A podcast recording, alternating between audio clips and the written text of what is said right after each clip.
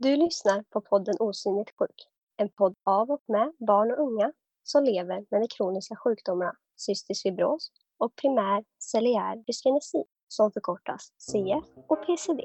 Sjukdomar som inte syns utanpå.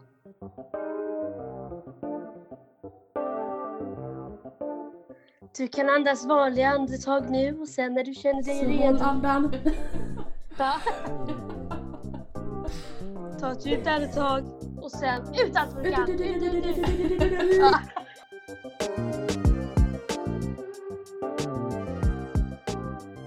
I och med att vi är kroniskt sjuka och har liksom ett helt team runt oss egentligen så är det ju, det blir ju en annan trygghet att komma till sjukhuset. Hej och välkomna tillbaka kan vi säga till podden Osynligt sjuk. Och idag är det jag Ellen Och jag Cornelia. som eh, är programledare. Och eh, vi har ju ett tema som vi hade funderat att vi skulle ta upp idag. Vi är ju väldigt etablerade på sjukhuset måste jag ju säga. Och vi har väldigt många både dåliga och bra besök därifrån. Ja, gud ja. Dagens avsnitt kommer att handla om just ett bra och ett dåligt och vad som utgör ett bra och dåligt sjukhusbesök. Men eh, hur mår du idag Cornelia? Kan vi börja med. Jo men idag mår jag bra, måste jag säga. Det har varit en, eh, en bra dag i skolan och eh, sjukdomen om man säger så. Du då Ellen? Jag mår också bra faktiskt. Väldigt bra. Vi är ju helt nya som programledare och eh, lite nervösa måste vi ju ändå säga att vi är. Ja, jag är lite spänd faktiskt. Men om vi börjar med dig då Ellen. Har du något roligt eller lite så här häpnadsväckande sjukhusbesök? Ja, alltså det är väl inte ett besök i sig, utan det är väl flera som har utspelat sig till ett. Som är lite speciellt kanske. Eh, och det var ju då när jag hade en PEG i magen. Alltså en, som en sond som går direkt till magsäcken. För att jag, eh, när jag var yngre, hade lite svårt att äta och kunde inte dricka flytande medicin för jag tyckte det var så äckligt. Och då hade jag då en PEG. Och sen tänkte jag att nej, nu tar jag bort den här. Så då åkte jag till sjukhuset, drar ut den och då i stort sett så drar du bara ut den och sen låter du hålet växa igen av sig självt.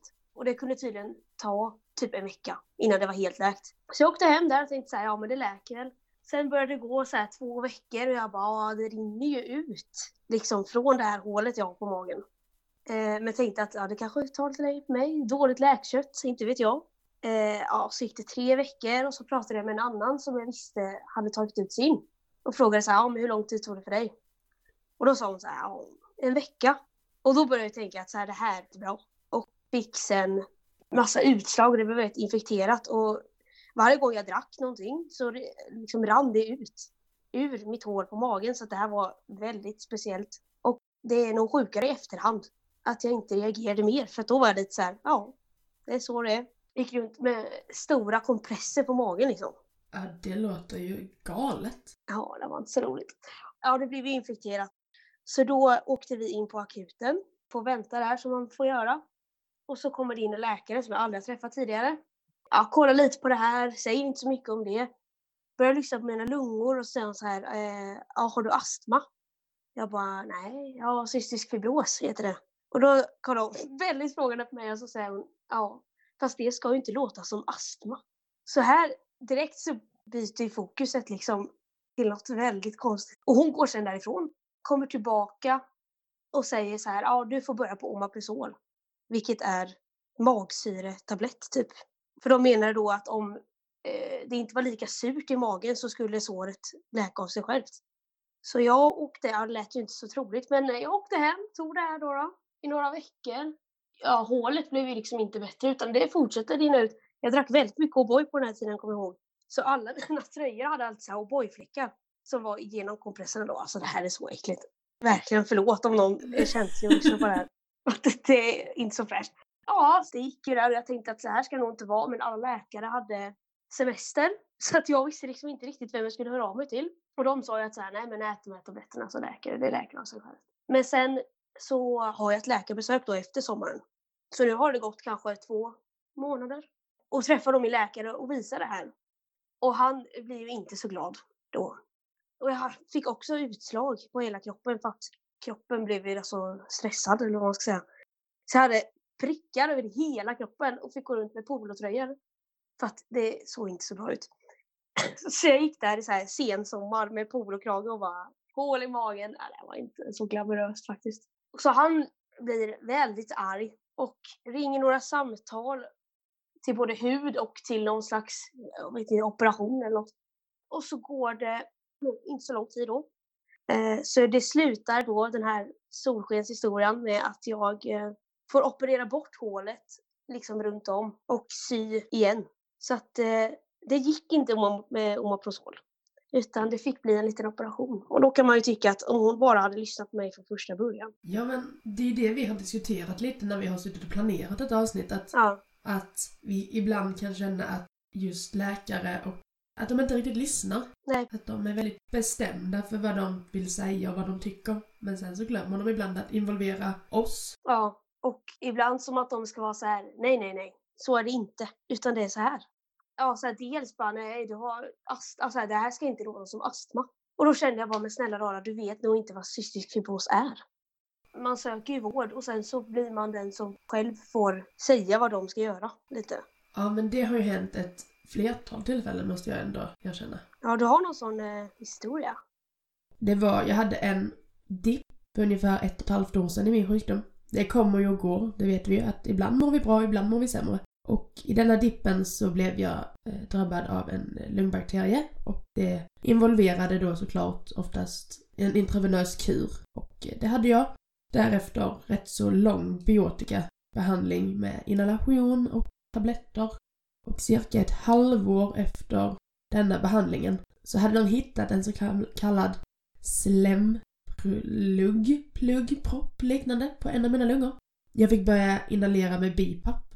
BiPAP är en, eh, en trycklyftsbehandling på lungorna. Så att man inhalerar tryckluft i en peppmask för att man ska komma så långt ner i lungorna som möjligt och trycka ut de olika bakterierna som kan fästa i de här slempluggarna. Den behandlingen höll på väldigt länge. I december så fick jag veta att jag skulle göra en leverbiopsi. När jag skulle göra den här leverbiopsin så valde de även att gå in och försöka ta väck den här slemsaken som hade satt sig på mina lungor. Och de lyckades. De fick väck allting. Jag fortsatte med bipapsbehandlingen ett tag efter bara för att verkligen se till att det försvann. På de prover som togs under operationen då som de gjorde så visade jag tydligen tendens på allergi för en svamp som hade växt, kunnat växa och börjat växa i, den här, i det här slemmet. Men jag tyckte det var, de sa till mig vad symptomen på den här svampen var och de berättade även att behandlingen skulle vara kontinuerlig sprutor. Alltså kontinuerliga sprutor som jag skulle ta på mitt sjukhus för att inte behöva ha den här allergin. Jag har aldrig haft tendens för allergi tidigare, aldrig blivit immun för någon antibiotika och symptomen de berättade fanns på den här allergin. Jag tyckte inte de stämde och jag tyckte det var fel att man förlitade sig på ett provsvar som hade tagits precis vid operationstillfället när man tog väck den här slemsaken. Så jag frågade min läkare om, om det var livsavgörande ifall jag inte valde den här sprutbehandlingen eller om det fanns möjlighet att jag kunde ta nya blodprover och nya sputomprov och sedan komma tillbaka till sjukhuset och eh, därifrån utvärdera ifall den här sprutbehandlingen var nödvändig eller inte. De gick med på det. När jag kom tillbaka till sjukhuset så visade det sig att det fanns ingen tendens för den här allergin längre. Den här svampen, den var som sagt även borta. Jag tror att det är viktigt att tänka på det här, att man vågar prata med sina läkare och vågar diskutera. För att hade inte jag gjort det i detta tillfället så hade jag ju förmodligen börjat på den här behandlingen och kanske än idag, eh, ett och ett halvt år senare, tagit dessa sprutorna kontinuerligt.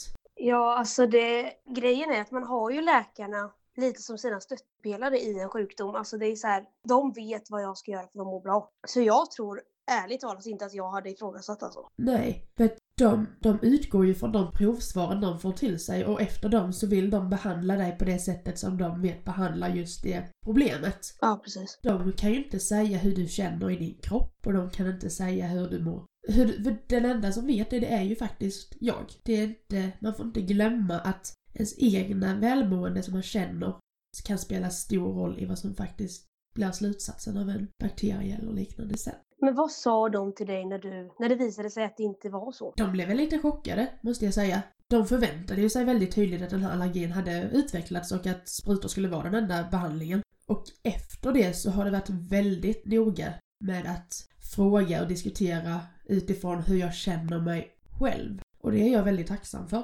De, det fanns ju inget riktigt att säga förlåt för och det var väl jag kanske i stunden kände mig nonchalant och ignorant för vad läkarna ville behandla mig med när jag sa emot.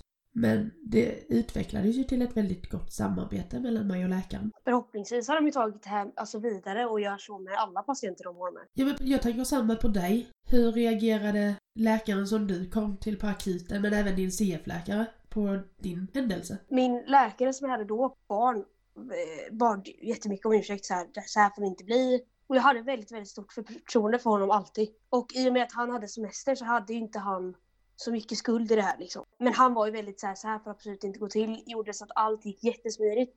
Jag fick tid till hud samma dag. Fick prata med operationsläkare. Alltså det blev väldigt smidigt när han väl fanns där. Och sen eh, fick jag ligga inne då på grund av det här. Då kom eh, läkaren från akuten för hon hade även börjat på barn då. Där jag då var. Eh, och hon kom in tillsammans med min sjuksköterska och den här läkaren då. Och bad väl på sätt och vis ursäkt liksom för att så här, jag var nonchalant. Hon sa inte det rätt ut. Och jag kan väl idag tycka att hon hade kunnat säga det lite mer så. Men jag fick någon form av ursäkt ändå. Det var ju ingens fel i att det blev som det blev eftersom att det ska växa igen av sig självt men jag fick en komplikation. Det de gjorde fel var ju att de jag fick ju inte den hjälp jag skulle ha i tid. Det blev ju väldigt utdraget. Ja, det blev det ju verkligen. Hur lång tid tog det sammanlagt innan du verkligen hade läkt ordentligt? Alltså från och med att jag tog ut den tills jag blev opererad så tror jag att det var tre månader. Jag hade precis börjat gymnasiet och då vet jag att jag hade med så här ombyte i skolan liksom för att jag var så här, det kommer rinna igenom. Så jag måste byta kläder. För att när jag dricker så kommer det bli blött. Och på något sätt liksom infann mig det. Men eh, tills eh, allt hade läkt kanske det gick fyra månader, fyra, fem månader.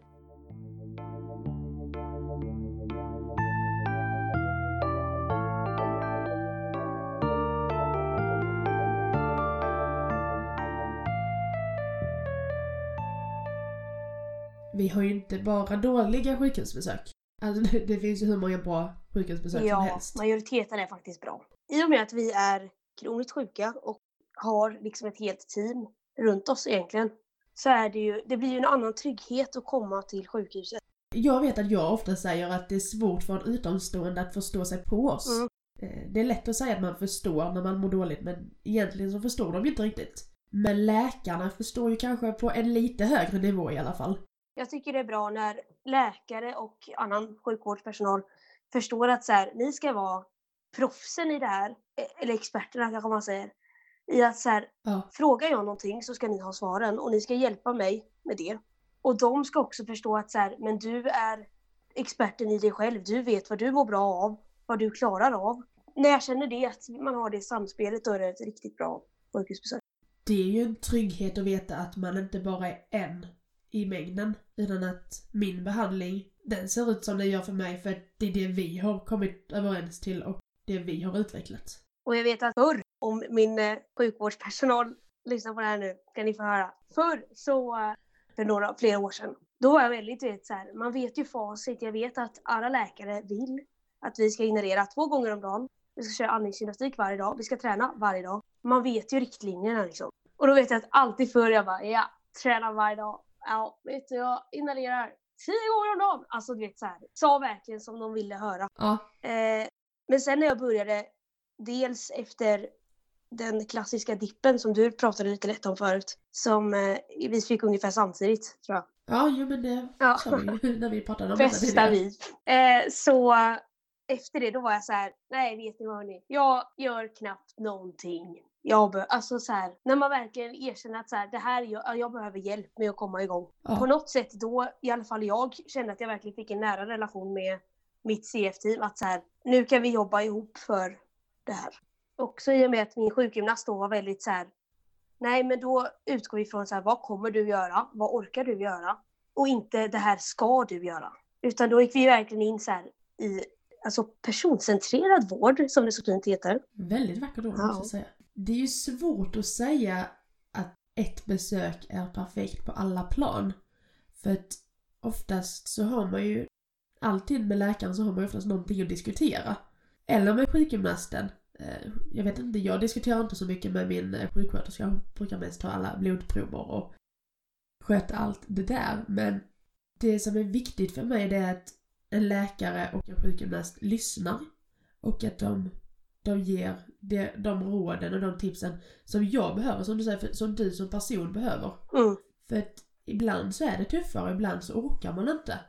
Jag hade ju en period när jag tyckte det var jättejobbigt att ta kreon till varje måltid. För att ta med sig den där burken med kreon, det, ibland var det som en omöjlighet för mig.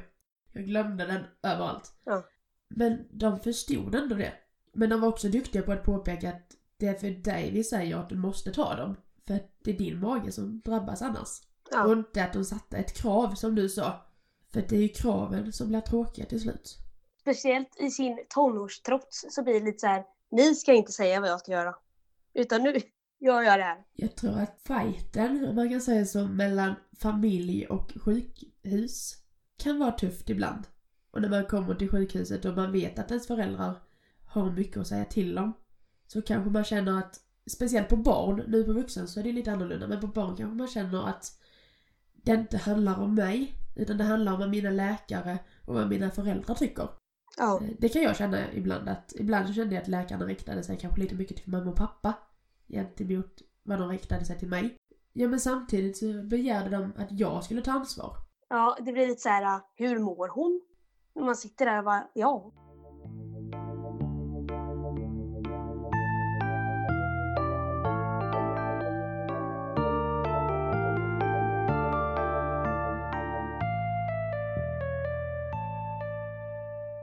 Jag har väldigt svårt när min behandling drastiskt, eller drastiskt förändras. För jag har inte varit med om så många förändringar utan jag har gått på nästan samma behandling sen jag fick min diagnos. Eh, som jag har haft. Jag har haft min diagnos när jag var tre månader. Ja. Jag, kanske, jag kan inte säga att jag haft samma eller behandling som när jag var tre månader för det kommer jag inte ihåg. Nej. Men så länge som jag, som jag själv har tagit tag i min behandling och så, här, så har det ju varit likadant med inhalationer och nästan samma medicin. När det här hände med den här infektionen som ledde till IV-kurer som ledde till mycket antibiotika som sen ledde till en operation och som sen ledde till en BiPAP som jag aldrig trodde skulle existera i mitt liv. Ja. Så tror jag att det var tufft överlag att komma till sjukhuset för man visste inte om ännu en förändring skulle ske. ja. Jag vet inte om du har tyckt att läkarna har experimenterat mycket med dig och din sjukvårdsbehandling eller om du känner att det också varit rätt likadant hela vägen. Nej, det har nog varit eh, ganska lika. Sen kan jag ju då erkänna att min mamma har haft... Mamma har alltid hjälpt mig väldigt mycket med att plocka fram mediciner och fixa. Nu är det inte riktigt så längre. Eh, men jag har inte heller haft så mycket drastiska... Så här, nu ändrar vi allt. Utan jag har haft samma...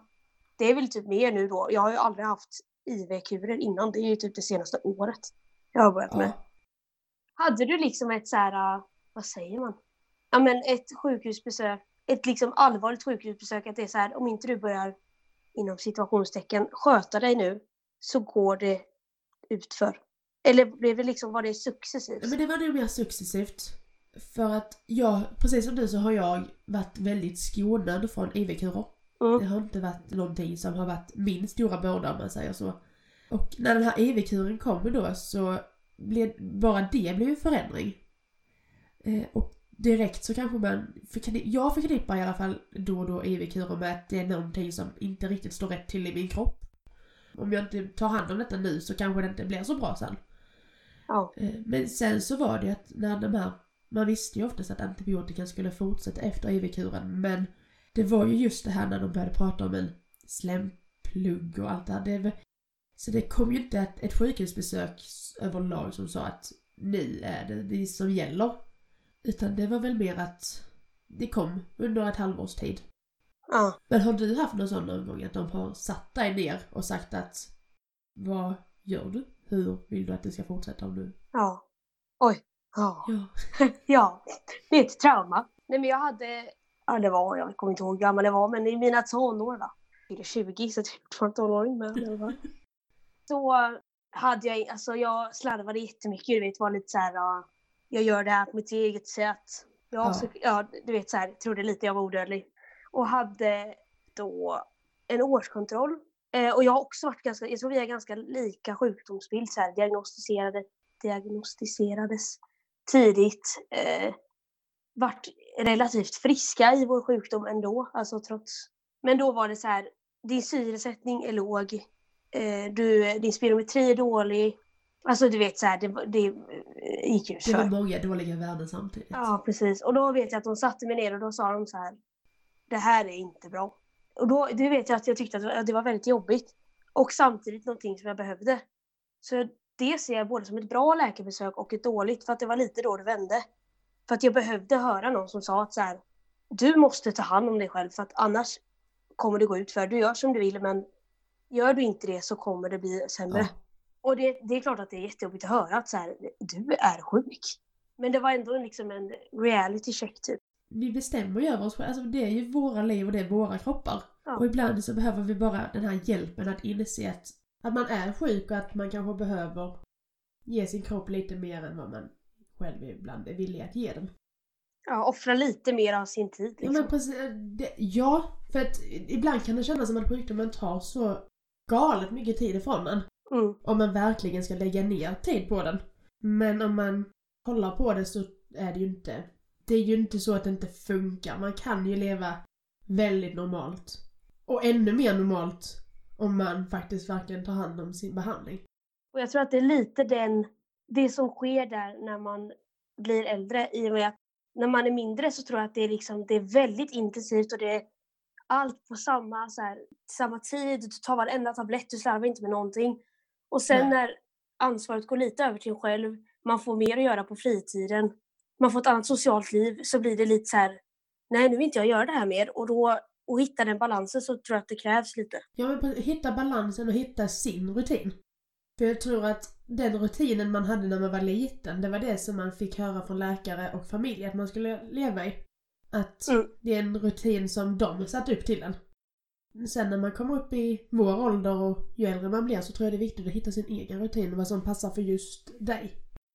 Ja, precis. Och då försöka göra det här tillsammans med sitt CF-team. Eller sjukhusteam eller vad man nu Ja har. men precis. Och det får man väl också känna så här.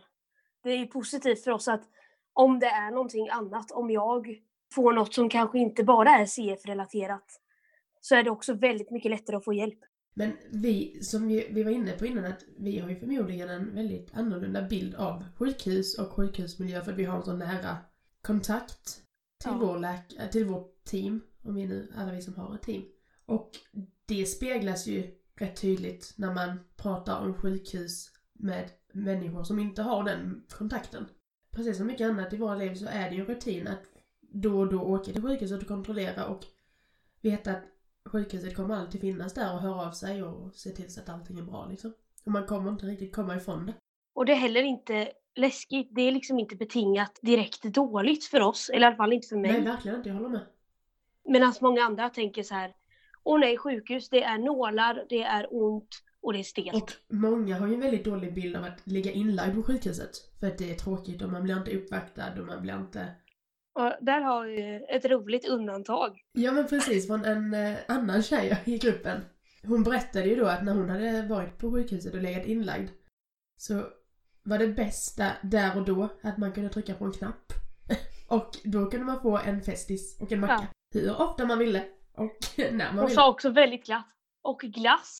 Och det var liksom det bästa där och då. Helt plötsligt var det inte så jobbigt att ligga inlagd på sjukhus.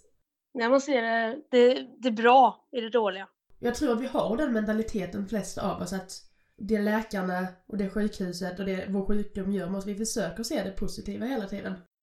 Som jag till exempel, jag tröttnade så enormt mycket på att träna. En stor del av vår sjukdom är ju att hålla igång fysiskt för att hålla igång flåset. Och på så sätt få upp slem och våra lungor. Vi, det är rätt så äckliga saker vi pratar om ibland med cystisk men det är bara så. Ja, alltså grejen är att jag är ju dubbelmoralen i att jag tycker att Alltså det är så fruktansvärt äckligt. Jag klarar inte av när folk sliter sig. Nej men jag, jag hatar Nej, jag dör. Alltså jag dör. De!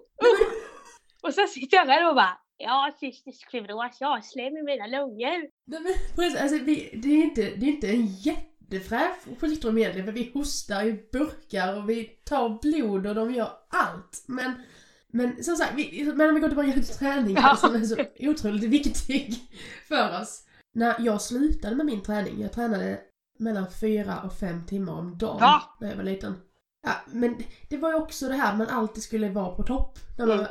Läkarna hade satt upp ett krav och jag jobbade mycket förebyggande. Jag vet inte om det är så vanligt att man gör det men Ja, när man är yngre tror jag att många gör det. Ja, det här med att man vill inte bli sämre utan man vill hellre förebygga så att man stannar i alla fall där man är just då. Men jag slutade med det rätt så snart jag fick en egen vilja. Och satsade helhjärtat på att sjunga. Mm. Och den träningen, det trodde ju ingen på på sjukhuset att den skulle kunna fungera som en fysgymnastik. Men för mig så gör det det. Och då kommer man ju tillbaka till ännu det här att man ska kunna få vara med och påverka själv. Ja. Och jag tror att det är en viktig del i hur man ska kunna se på positiv, eller på, på sjukhuset på ett positivt sätt. Ja. Som du sa att kraven är inte det roliga. Det är inte kul när någonting blir ett krav. Nej, jag blir ju lite så anti-träning när de är så här, du måste träna. Och lite du vet, så här, det här, det är inte nog. Men tycker du att det är jobbigt, nu går vi tillbaka lite, men, Ja, ja, men om någon kompis eller någon, ja, säg, lite så här, klagar bara, nej jag vill inte gå till sjukhuset, jag ska dit nästa vecka. ja, det tycker jag faktiskt. Och det kanske är, det är inte fel av oss, det säger jag absolut inte.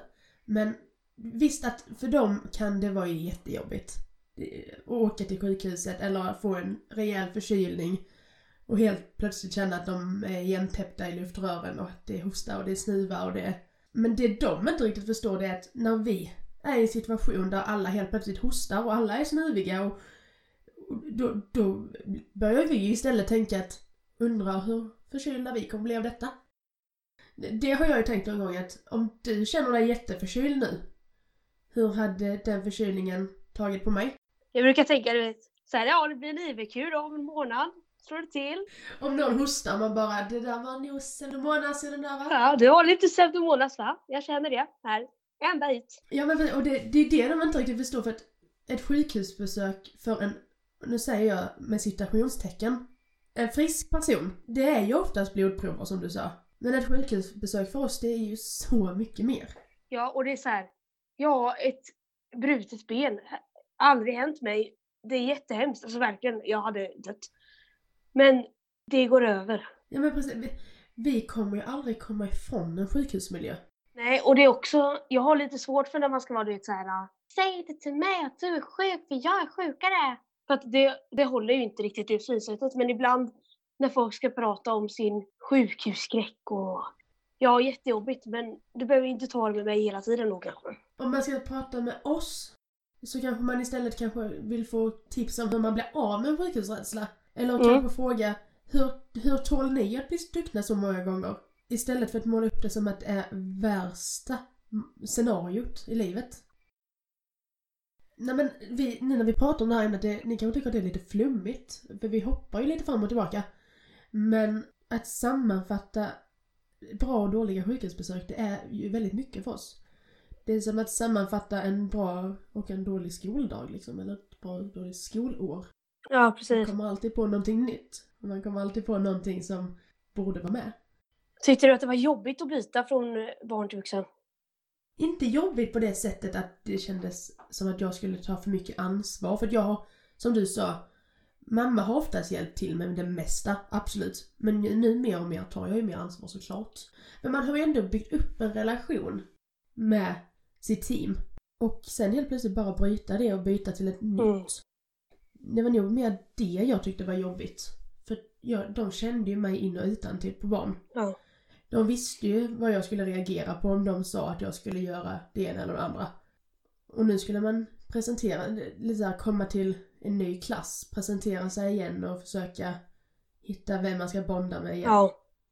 Men hur kände du då? Alltså jag tyckte, åh, jag gruvade för det här alltså, i flera år. Jag var så här, jag kan inte lämna barn. Och nu i efterhand, eller ja. Då var det absolut min läkare som jag var så här, jag kan inte lämna honom liksom.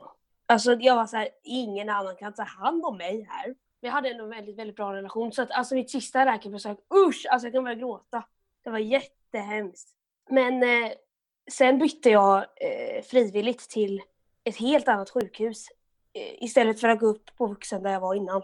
Och där har jag nu ett litet CF-team. Och sen har jag ju då mitt stora CF-team i Uppsala. Men så det, det blev väldigt, väldigt bra. Jag trivs extremt bra där jag är nu. Men det, det, det, är läs, men det är ju en läskig känsla för man har ju ändå haft, de har ändå haft ansvar för mitt, att mitt liv ska kunna, alltså att mitt liv blev som det blev. Hade inte de behandlat mig på barn så hade jag inte suttit och varit, så, mått så bra som jag gör idag. Nej, det är liksom som att man har haft en dagisfröken och sen helt plötsligt så ska man snart ta studenten och den säger bara hej då, klar själv. Ja, det var en väldigt bra beskrivning. Ja, tackar, tackar. Och det är ändå bra att vi drar sådana liknelser som det så fint heter. För er som lyssnar som är anhöriga och inte patienter själva. Men många säger att sjukhuset är som ett andra hem. Ja. Eh, för att man tillbringar mycket tid där. Jag kan inte riktigt relatera till att det är som ett andra hem. Eh, men jag förstår dem som säger det. Mm. Absolut. Sjukhuset är ju en stor del. Hur vi än, hur vi än lever som patienter så kommer sjukhuset och personalen där spela otroligt stor roll i våra liv. Det är liksom verkligen sjukdomens fristad. Man lever ut det på ett helt annat sätt. Alltså, det är liksom bara, här får det verkligen ta all, all, all min plats. Sen går jag därifrån och då återgår allt som vanligt. Men man har fått leva ut det lite. Ja men man har verkligen fått utlopp för allting man har gått och tänkt och känt och funderat på. Och... För det är ju mycket tankar. Oavsett om man vill eller inte. Med att leva med CF. Men nu så tycker jag ändå, jag har ju täckt upp väldigt stora delar Ja. av ett sjukhusbesök, eh, sjukhuspersonal och sjukdomsbild överlag. Och eh, det börjar närma sig sitt slut av detta avsnittet. Men för att lätta upp stämningen lite så kan jag ju berätta att jag, eh, jag kommer ihåg när jag skulle byta till, eh, till vuxen nu. Så eh, sa min, så sa min läkare att ja, du är alltid välkommen ner till barn igen och hälsa på. Och eh, tänkte jag att ja men det, det är väl klart att jag, jag kommer ner någon gång och vinkar på er och säger hej. Så mitt första läkarbesök sen på vuxen så skulle jag ta en vaccination. Och helt plötsligt så hade sjuksköterskan på vuxen gått hem. Hon var inte där. Och eh, min, eh, min sjukgymnast och min eh, läkare ville väldigt gärna att jag fick den här vaccinationen. Så eh, jag sa, men kan vi inte ringa till barn då? Och fråga om eh, eh, min sjuksköterska från där var. Så vi, de ringde, och, men hon var ju där. Så jag gick ner. Och det bemötandet jag fick när jag kom ner där, det, det var nog något av det härligaste jag har varit med om. För att alla gamla, det hade inte gått många månader, men alla gamla som man hade träffat så kontinuerligt, så de, de blev så glada för att se mig. Ja. Jag blev så glad för att se dem. Att sitta inne i provtagningsrummet och ta den här sprutan och sen på rutin så säger då min, eh, min sjuksköterska, hon bara Ja men Cornelia har du förnyat alla dina recept nu då? och jag bara Ja, men hon bara Nej, just det. Jag, jag tror den historien också ganska mycket beskriver hur det är. Att det är lite som, ja nu blir det det här hemma, men det, var, Ja. det är lite som att komma hem. Åh, nu saknar jag mina barnsköterskor, vart är ni? Jag ska åka och hälsa på. Kommer ingen känna igen mig? Jag bara, jag vill ha ett nytt avsnitt. Mitt värsta sjukhusbesök.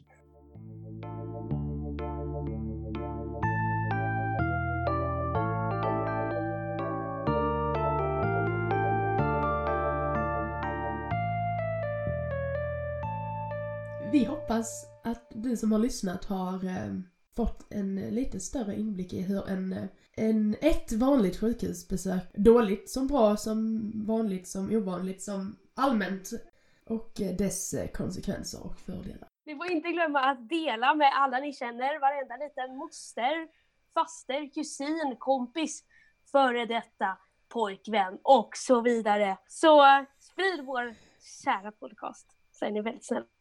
Vår kära, kära podcast Osynligt sjukt, där vi även är som Ellen så fint sa, osynligt friska. Precis, vi sa ju att vi mådde så himla bra i början av det här avsnittet så att eh, Ja, så att vi, vi är osynliga på alla sätt. precis, vi är osynliga om ni inte delar så nu får ni faktiskt hjälpa till här. Ja, annars så kommer vi aldrig synas igen. Ja, precis. Men eh, då tackar vi väl för oss då. Ja, vi tackar för oss. Hej då! Hej då!